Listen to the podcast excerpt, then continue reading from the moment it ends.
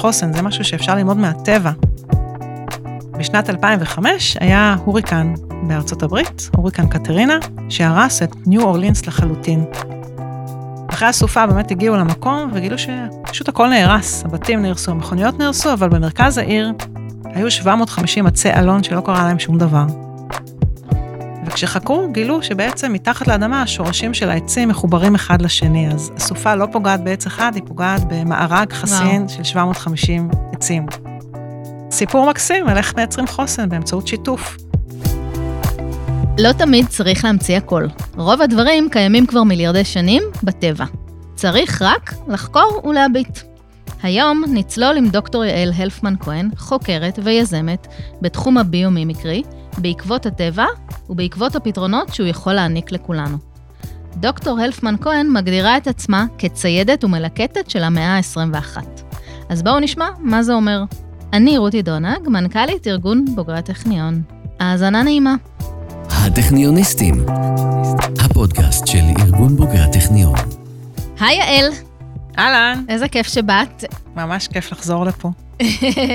אז אני אשמח שתציגי את עצמך. אני אה, יעל הלפמן כהן, בוגרת הטכניון, סיימתי ב-98, למדתי הנדסת תעשייה וניהול, בהמשך גם תואר שני בניהול ודוקטורט בתחום של ביומימיקרי. כל מה שאני עושה ב-15 שנים האחרונות קשור לביומימיקרי, קשור ללמידה מהטבע. אני מייסדת אה, של ארגון הביומימיקרי הישראלי, מייסדת שותפה, ביחד עם אה, דוקטור דפנה חיים לנגפורד, מרצה בתחום הזה, מובילה תהליכי חדשנות בתחום הזה, עובדת עם ארגונים, כותבת ספרים, חוקרת, הדוקטורט שלי גם בתחום הזה, וגם יזמת. למה את מגדירה את עצמך כציידת ולקטת? אז אני חושבת שאם בעבר הציידים והלקטים יצאו לטבע, לצוד בעלי חיים, ללקט uh, מזון, אז uh, היום הציידים והלקטים של המאה ה-21, ואני מגדירה את עצמי כחלק מהם, יוצאים לטבע לצוד פתרונות וללקט השראה. וזה מה שאני עושה. הטכניוניסטים. אני רגע אגיד שאנחנו ממש יושבות אה, בספרייה המרכזית. אה, אנחנו עוד מעט נדבר אה, גם על הקשר שלך לספרייה, אבל תודה על האירוח. נדבר על ביומימיקרי. אני לא חושבת שראיינו מישהו שעשה דוקטורט בתחום הזה, אז תספרי לנו בכלל מה זה. אוקיי, okay, מעולה. אז ביו, או ביו זה חיים, ומימיקרי זה חיקוי. ביומימיקרי זה בעצם דיסציפלינה חדשה היא חדשה ישנה, כי בעצם תמיד למדנו מהטבע, אבל שהיא מאוד מתפתחת בשני העשורים האחרונים, שעוסקת בחקר וחיקוי של פתרונות הטבע.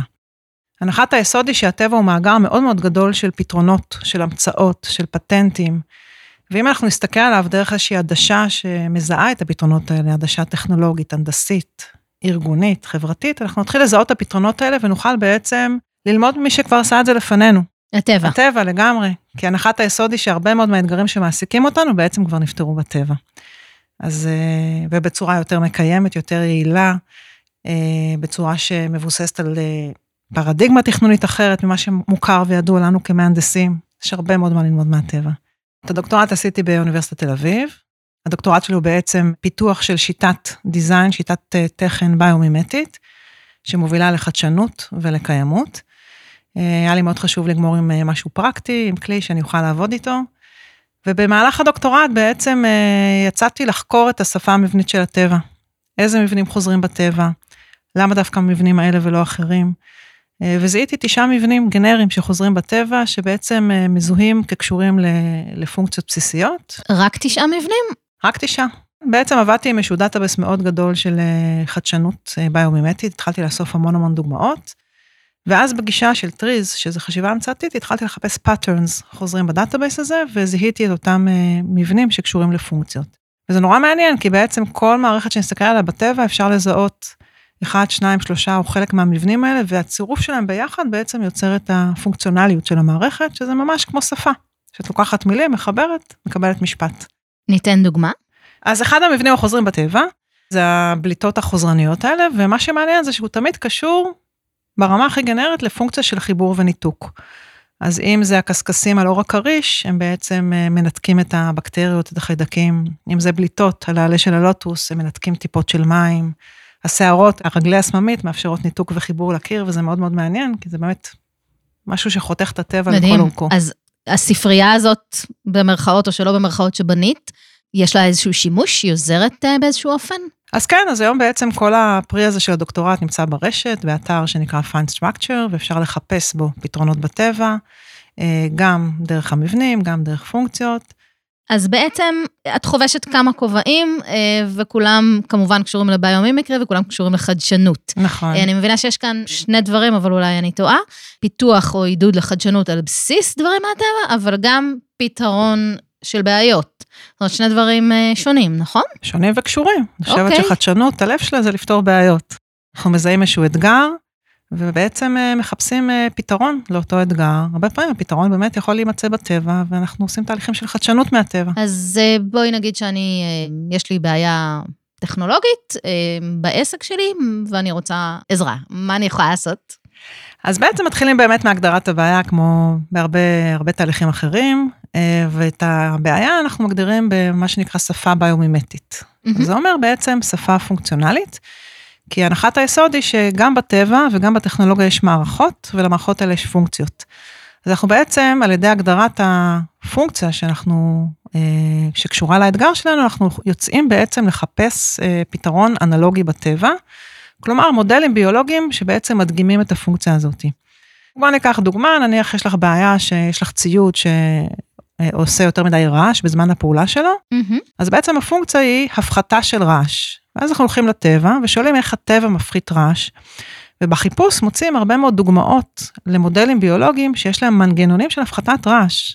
מנגנונים ממש מנגנונים מבניים שאפשר לחקות אותם, לחקור אותם, אה, לזהות את העקרונות שמפחיתים את הרעש, ובעצם להשתמש בעקרונות האלה לדיזיין של הפתרון הטכנולוגי שלנו. מהמם.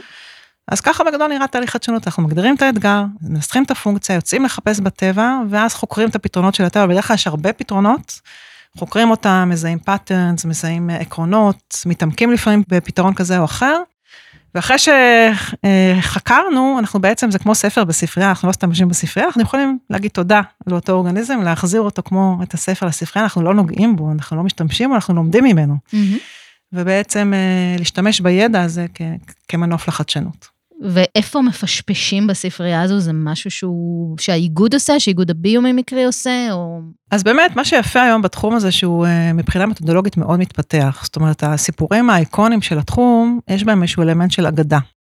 לדוגמה, ברכבת היפנית היה רעש, וכל פעם שיצא ממנהרה היה רעש מאוד מאוד גדול, והסיפור האגדתי מספר שמהנדס שעבד ברכבת היה חובב ציפורים, ויום אחד הוא ראה שלדג צולל לתוך המים, והוא שם לב שהצלילה היא שקטה, הכניסה למים היא חלקה, ללא השפרצות, ללא רעש. אה, ובאמת בהמשך אה, הקטר של הרכבת מודל על פי הפרמטרים של המקור, ובעיית הרעש נפתרה. אבל יש פה אגדה, זאת אומרת, אם באותו יום השלדג לא היה צולל, אז איך הייתה נפתרת בעיית הרעש של הרכבת? אז היום מה שמשמח זה שהתחום הוא באמת מתודולוגי, שיטתי, יש כלים לחפש, יש מאגרי מידע, יש שיטות חיפוש, ובעיניי קפיצת המדרגה הבאה של התחום תהיה באמת בכניסה של AI. זה גם פרויקט שאני אה, מתחילה להיות מעורבת בו, אה, שבאמת אפשר יהיה לחפש בכלים של AI, לחתור בפתרונות של הטבע, למצוא אותם בהיקפים הרבה יותר גדולים ממה. שיש היום. זה העתיד של התחום בעיניי. מדהים. אני חושבת אבל רגע על משהו נורא נורא אה, ישן, כמו מטוס. לגמרי, זה הביומימיקרי הקלאסי הראשוני, אה, דה וינצ'י, נחזור לדה וינצ'י, שנחשב לאבי הביומימיקרי, זה מה שהוא ניסה לעשות, הוא ניסה לפתח מכונה מעופפת. אז הוא לא התעצל, והלך ולמד זואולוגיה, חיבר את זה לבסיס הידע ההנדסי שלו, חקר את עקרונות התעופה בטבע, לא צלח במשימה שלו, אבל כל עולם התעופה התחיל מהתבוננות בטבע, החל מהאחים רייט, שהתבוננו על יונים, ההבנה של החתך האסימטרי של הכנף שקוצר את כוח העילוי, ועד טכנולוגיות מתקדמות שיש היום, שכולנו מכירים, למשל כנפונים, נכון בקצה של הכנפיים של המטוס, יש. אה, התרוממות כן. למעלה, זה נקרא כנפון, זה חיקוי של פתרון שמגיע מהטבע. הרבה מאוד עופות דורסים מעלים את הנוצות שלהם בקצה הכנף למעלה, בצורת רייש הפוכה, כדי לשבור מערבולת כן. שמתפתחת שם, שנקראת מערבולת קצה כנף.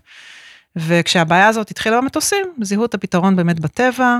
המערבולת הזאת דורשת אה, להשקיע יותר אנרגיה, בזבוז אנרגטי, אני, אני יכולה להגיד לך שהכנפונים האלה חוסכים בממוצע כחמישה אחוז בצריכת הדלק של מדהים. המטוסים, שזה המון. ויש היום ציפוי למטוסים שמחקה את אור הכריש, שהוא גם מפחית גרר בצורה משמעותית וחוסך אנרגיה, אז באמת יש המון המון דוגמאות גם בעולם התעופה. בעצם כל תחום ש... שניקח, יש בו דוגמה של למידה מהטבע, וזה מה שיפה בתחום הזה, שהוא כל כך רב-תחומי. באמת, הטבע הוא איזושהי, איזשהו מרחב שמחבר המון המון דיסציפלינות. מדהים. אז נדבר רגע על תהליכים של אה, חדשנות בארגונים. את יכולה ככה להסביר מה המתודולוגיה, מה את עושה בכובע הזה? בדומה לדוגמה שנתנו קודם, מתחילים באיזושהי הגדרה של אתגרים שהם משמעותיים לארגון, שיש להם אימפקט לארגון. זה עובד בצוותים, מתחלקים בצוותים, כל צוות לוקח אתגר. ואז בעצם יש פה תהליך כפול, אנחנו גם לומדים את המתודולוגיה, ממש, את כל השיטה, איך מחפשים, איך מנתחים, איך מזהים פתרונות בטבע. וגם אה, מתרגלים את כל הקנים שלמדנו על האתגר. אז אה, בסופו של דבר, בדרך כלל תהליך כזה מסתיים מה שנקרא design concept, מבטיחים, אה, בהתנעה של פרויקטים, ברישום של פטנטים לפעמים, וככה נראה תהליך של חדשנות מהטבע. מה שכיף בכלי הזה, שזה באמת סוג של מתודולוגיה, שוואנס הארגון נחשף אליה, הצוות הוכשר אליה, אז היא נשארת בתוך הארגון, זה חלק מהנולד של הארגון, הרבה פעמים אני גם רואה ארגונים שממשיכים לפמפם את זה בתוך הארגון, ועושים עוד קבוצות שחוקרות את זה, ולפעמים אחרי תהליך כזה נשאר מוביל ידע בתוך הארגון, שעבר את התהליך ודואג לקדם את זה בתוך הארגון בעוד תהליכים. אז אה, זה לגמרי מתודולוגיה שאני חושבת שכל ארגון שמתעסק בתכנון, בחדשנות, בפתרון בעיות, כדאי שירכוש אותה, ממש ככה. נשמע ככה. אה, בואי ניתן כמה דוגמאות. מעולה. יש לך איזה תחום אה, מסוים שמעניין אותך? נגיד בטיחות. בטיחות, יש בתחום הסייבר כמה דוגמאות של חברות שבעצם חקרו איך גוף האדם, למשל, אה, מזהה התקפה של וירוסים, ואיך הוא מונע את ההתקפה הזאת.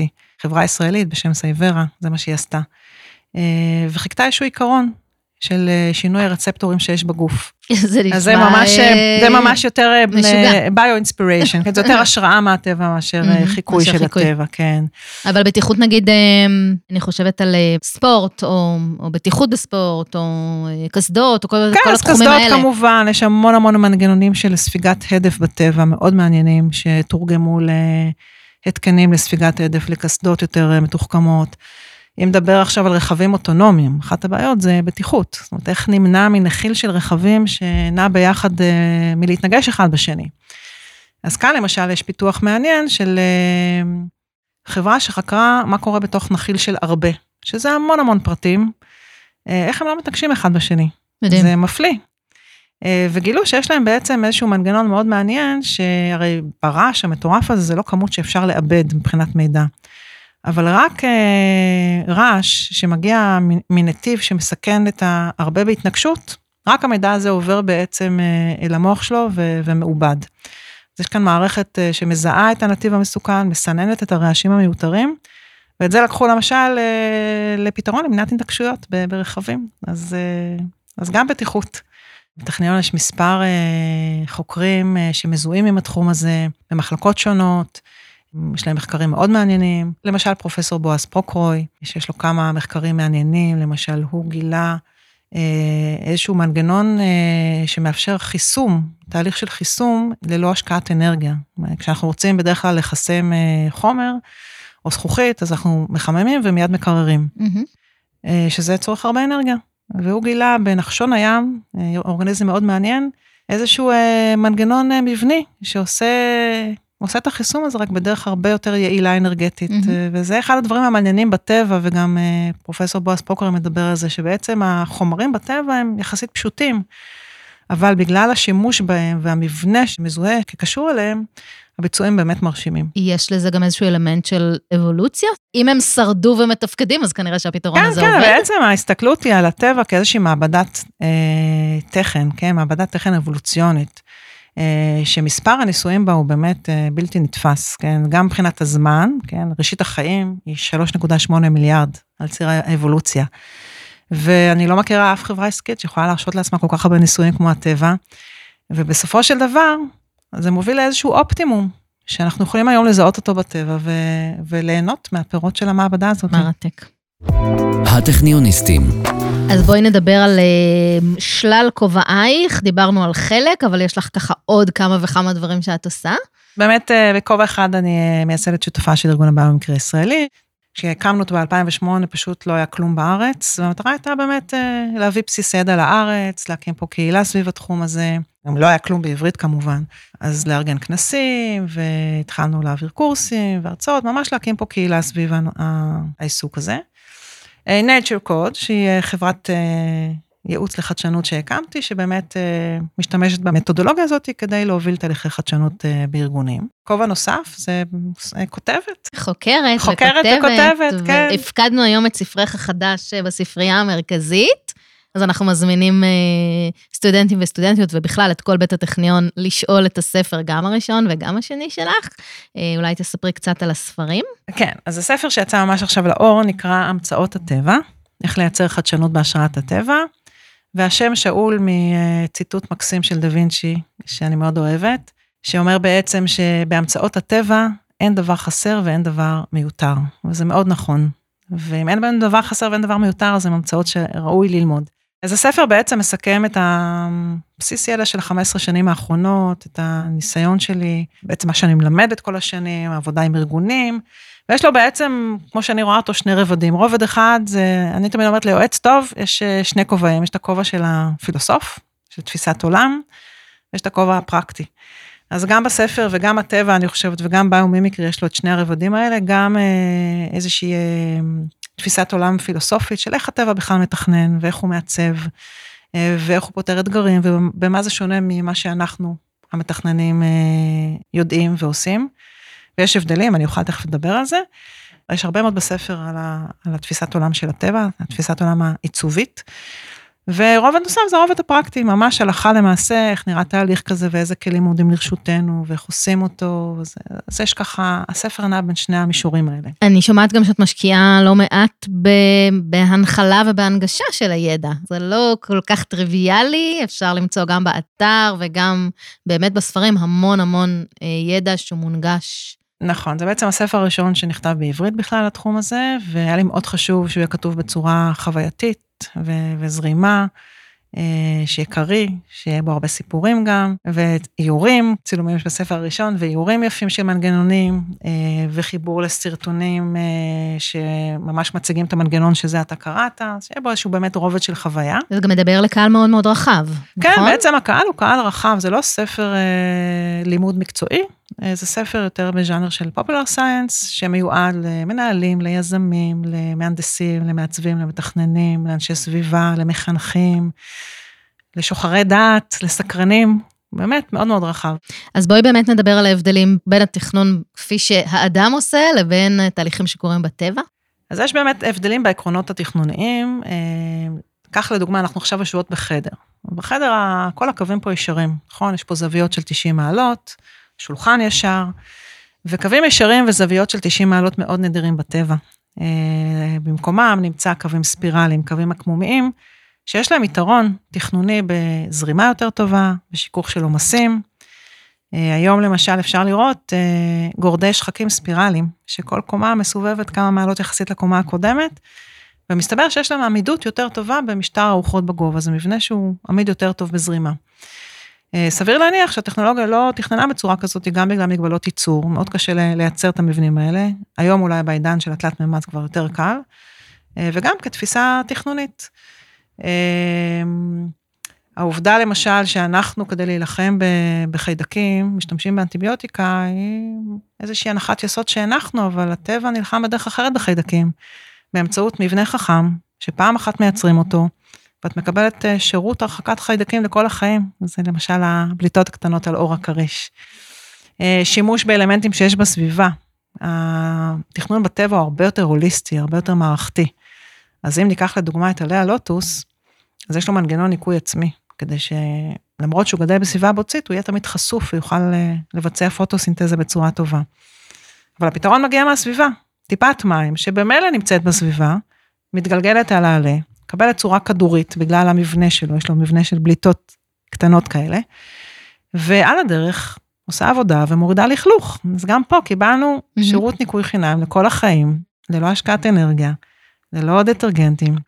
זאת התפיסה של הטבע, תכנון שהוא הרבה יותר הוליסטי, יותר אה, מקיים, אה, אחר ממה שאנחנו חשבנו, וזה מה שיפה בטבע, שהוא באמת מסיר איזשהו סגר שיש על הדמיון שלנו, דברים שאפילו לא חשבנו כאפשריים, פתאום אנחנו רואים אותם בטבע.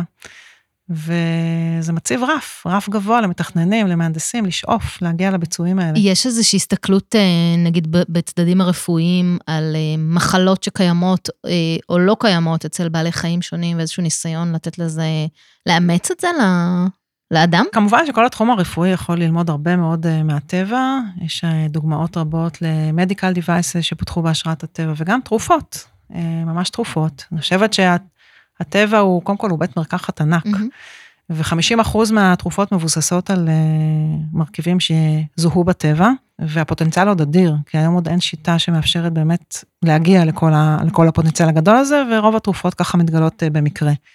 הייתה פה דפנה חיים לנקפורט וסיפרה על החברה המדהימה שלה, זה מולקולה שזוהתה בטבע, והחברה היא חברה ביומימטית, יש פה חיקוי של המנגנון uh, ויסות של המולקולה הזאתי. זו דוגמה באמת אה, יפה וקרובה. מרתקת. ויש עוד. הטכניוניסטים. אני רגע מחזירה אותך אה, אחורה לאי שם אה, תואר ראשון בהנדסת תעשייה וניהול. בעצם, איך הגעת משם לביומימיקרי? אז קודם כל באתי לטכניון באמת ולתעשייה וניהול, כי הייתי גם ריאלית וגם רציתי משהו קצת יותר רך, משהו שעושה גם בתהליכים, גם באנשים. כך הגעתי לתעשייה וניהול. תמיד אני אומרת שיצאו לי שני דברים טובים מהטכניון, אחד זה את הבן זוג שלי. כמובן. כן, שאני כבר 30 שנה כמעט איתו. ושתיים זה ללמוד לחשוב, אני חושבת שלמדתי בטכניון ללמוד לחשוב, כל החשיבה המערכתית שהיא הבסיס של כל מה שאני עושה היום, בעיניי הבסיס שלה כאן בטכניון, אה, בתואר הזה, בצורה שלומדים פה, אה, היכולת ללמוד לבד, לחקור, זה לגמרי דברים שקיבלתי כאן. אה, יצאתי מהטכניון, אה, נכנסתי לעולם של הייטק וחברות סטארט-אפ. הייתי כמה שנים בחברות של מדיקל דיווייסס, אה, סטארט-אפים רפואיים, שם דבק בזה חיידק היזמות. מאוד מרגש לקחת משהו שהוא לא מוחשי, לראות אותו ברמת פטנט ולראות איך הוא הופך לחברה. וכמה שנים טובות עסקתי בתחום הזה, וכשגיליתי, ב-2006 או 2007, אני חושבת, את התחום של הביומימיקרים, אז uh, החלטתי שזהו, זה, זה מה שמעניין אותי. זה הדבר. זה הדבר, וכן, ומכאן והלאה בעצם ניתבתי את כל הקריירה שלי לכיוון הזה. אבל אני לגמרי משתמשת בבסיס שקיבלתי בטכניון. זה של החשיבה. בחשיבה, כן, בחשיבה, בראייה המערכתית, בהבנה של תהליכים, זה מאוד משמש ומאוד מתחבר גם כדי להבין תהליכים בטבע ומערכות בטבע. ואת גם אה, מעורבת בסטארט-אפ בעצמך. כן, אז באמת, בשנים האחרונות מעורבת בסטארט-אפ ביומימטי, בתחום הדנטלי, גם הוא כמובן קשור לטבע. אה, עוסק בפתרון של בעיה מאוד גדולה, בעיית העששת, שכמעט ל-100% מהאוכלוסייה יש עששת היום, חורים בשיניים, כולנו מכירים את הבעיה הזאת. אמ, ובדרך כלל כדי לטפל בעששת, מה שעושים זה מגיעים, הולכים לרופא שיניים, רופא קודח, אה, מנקה את כל האזור של העששת, אה, מגיע לאזור של רקמות בריאות ונקיות, ושם בעצם אנחנו מצמידים חומרי שחזור. וממלאים, זה המילוי של הסתימות, כולנו מכירים. הבעיה עם התהליך הזה, קודם כל, שהוא מצריך הרדמה, והוא מצריך קידוח, הוא מעורר פחד אצל הרבה אנשים.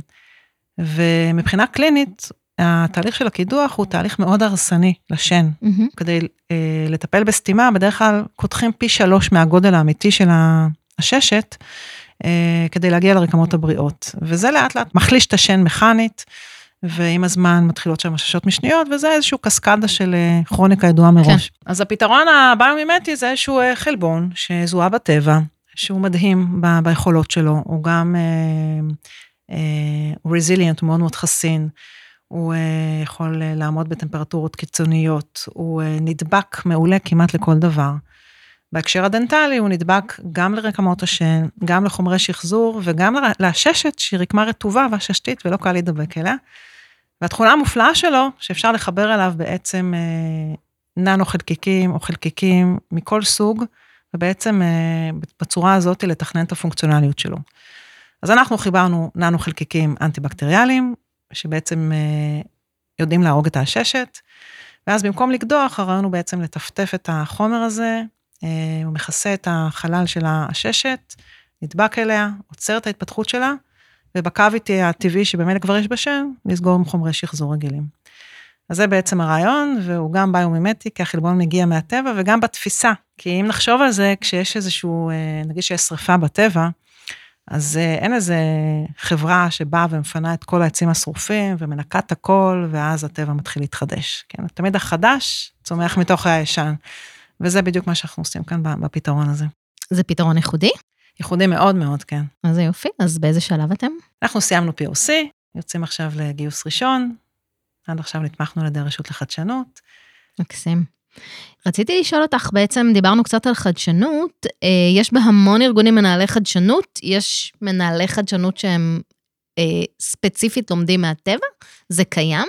כן, לאט לאט התחום הזה יותר ויותר נכנס באמת גם לעולם העסקי, אה, בכל מיני צורות, אה, גם תהליכי חדשנות וגם אנשים שלומדים את התחום הזה ומביאים את זה לארגון שלהם ומקימים יחידה פנים-ארגונית קטנה בתוך הארגון שעוסקת בזה. יש חברות גדולות בעולם, עדיין בארץ לא, אבל שממש יש להם מחלקות. נגיד יש חברה בשם פסטו, שהיא מובילה mm-hmm. עולמית בתחום הרובוטיקה והאוטומציה, שיש לה מחלקה של ביומימיקרי, קוראים לזה רשת הלמידה ביונית. יש שם מספר אנשים מדיסציפלינות שונות, שקמים בבוקר, וזו העבודה שלהם, לחפש לחקור. פתרונות בטבע, לחקור, והם מייצרים רובוטים מדהימים, מדהימים, אפשר לכתוב ביוטיוב, אה, פסטו, אה, אה, ביוניק, ולראות את הפיתוחים המדהימים שלהם. שכולם מבוססים על הטבע? כולם מבוססים, המחלקה הזאת, זה מה שהיא עושה. בעצם מפתחת טכנולוגיות שמבוססות על הטבע, ואחרי זה חלקן משולבות במערך ה-R&D שלהם. וזה ממש דוגמה יפה אבל ככל שעובר הזמן, אנחנו רואים יותר ויותר פעילות בחברות, אה, ואנשים שלומדים את זה ומכניסים את זה, והופכים להיות סוכני שינוי בחברה שלהם, ממש ככה. הטכניוניסטים.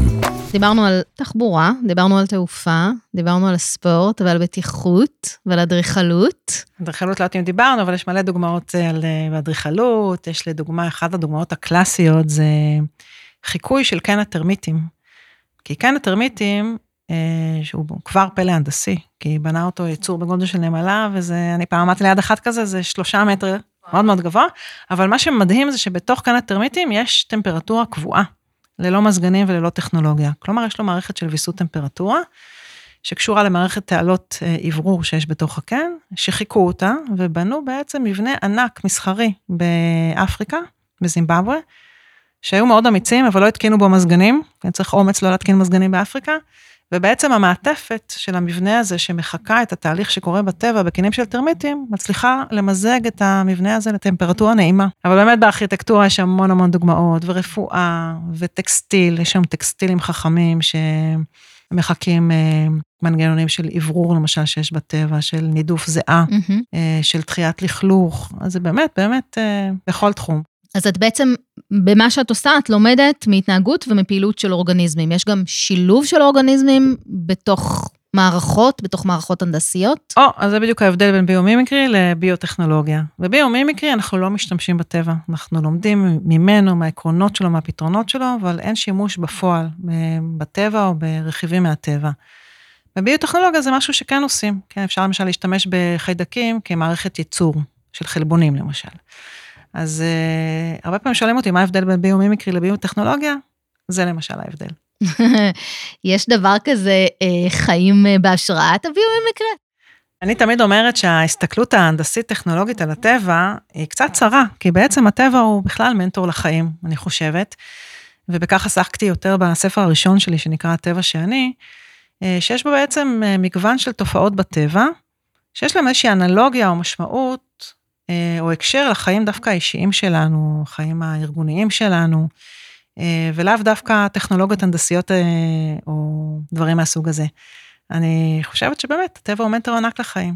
איך להתמודד עם, עם חסמים, איך להתנהל בצורה יעילה אנרגטית, גם בחיים שלנו, איך לבנות מערכות או ארגונים שיש להם חוסן, ממש חוסן, זה משהו שאפשר ללמוד מהטבע.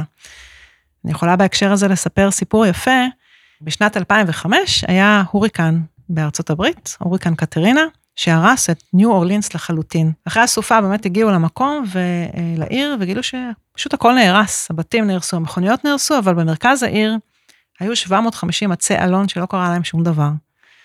וכשחקרו, גילו שבעצם מתחת לאדמה השורשים של העצים מחוברים אחד לשני, אז הסופה לא פוגעת בעץ אחד, היא פוגעת במארג חסין וואו. של 750 עצים. זה איש מאיתנו אינו חכם אה, ממש, כמו אז זה כולנו, סיפור מקסים. על איך מייצרים חוסן באמצעות שיתוף במקרה הזה.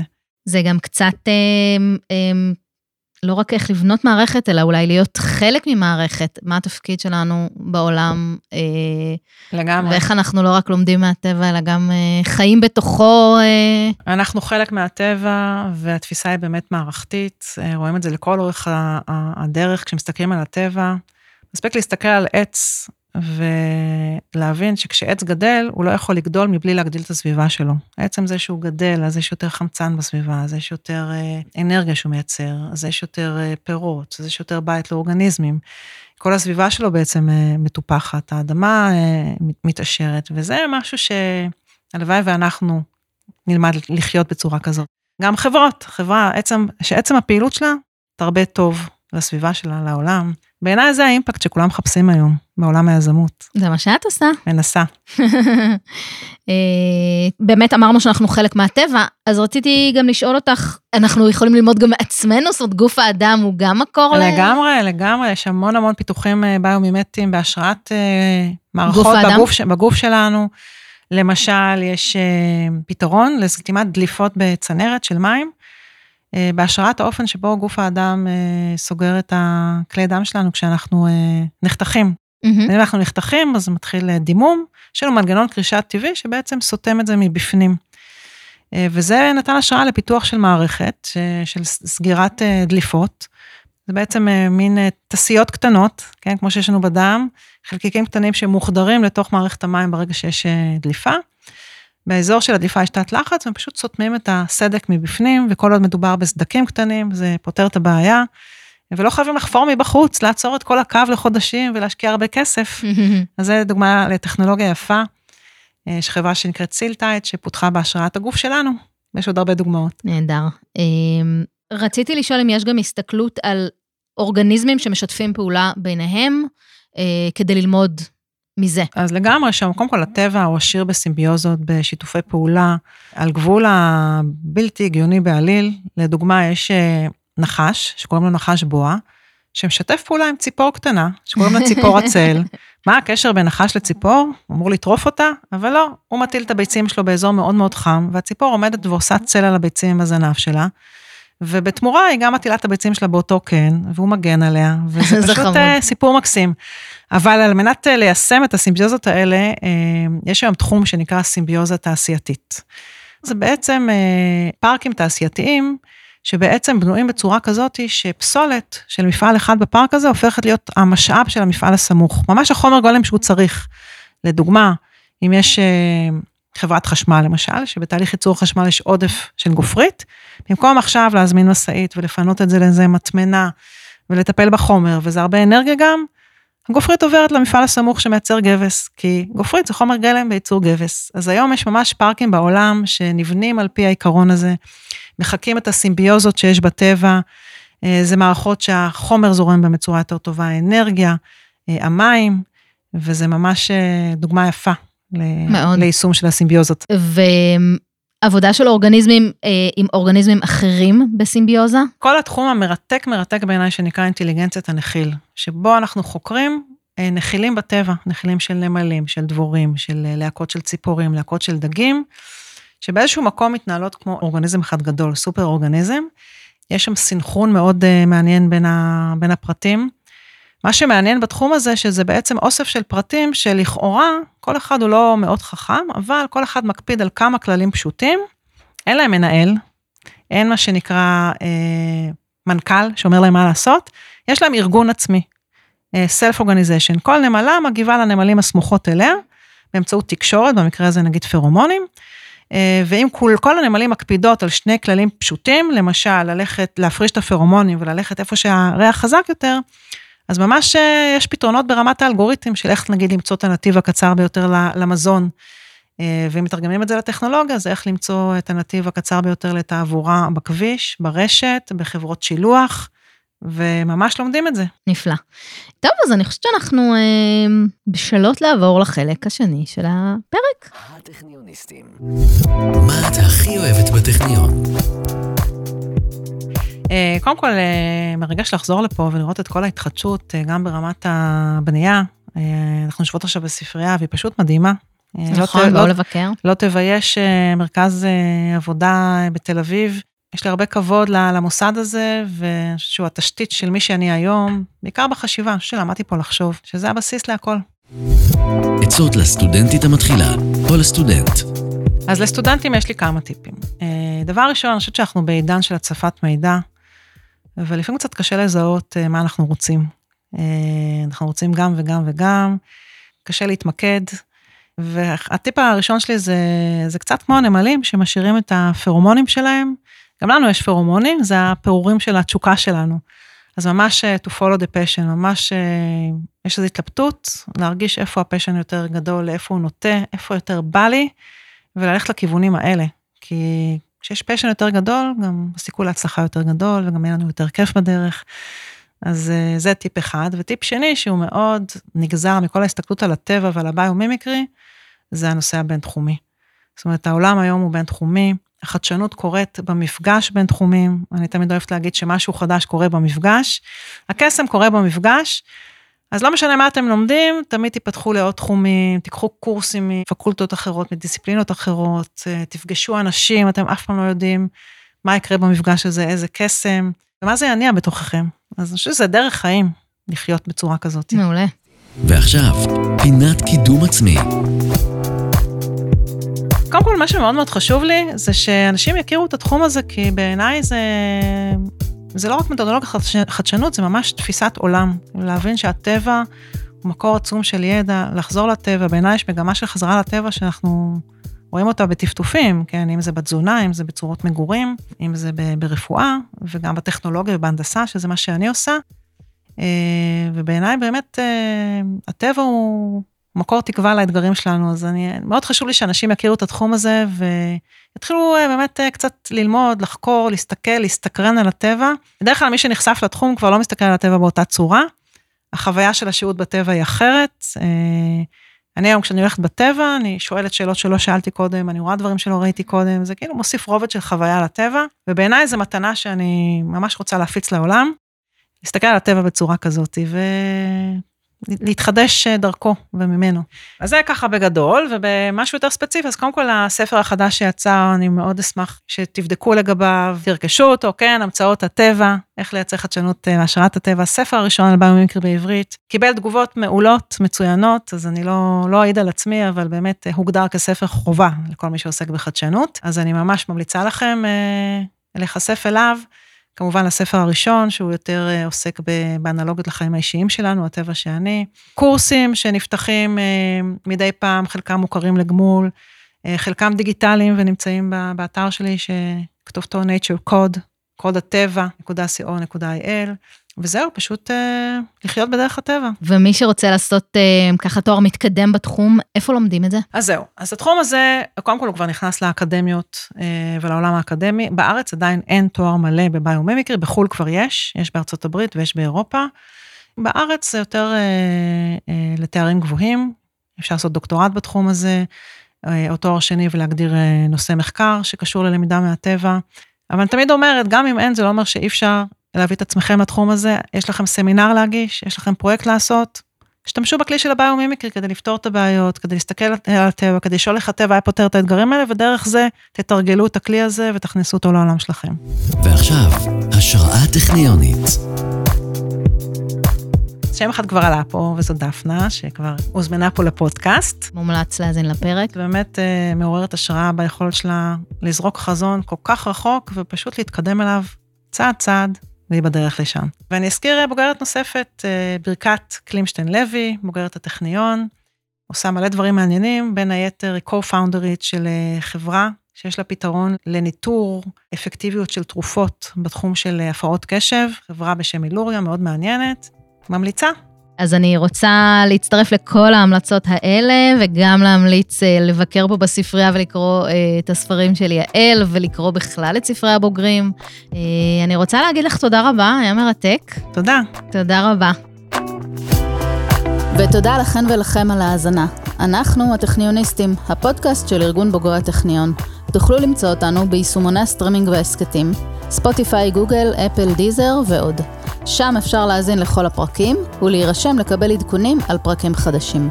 אם גם אתם רוצים להשתתף בפודקאסט שלנו, צרו איתנו קשר דרך האתר של ארגון בוגרי הטכניון.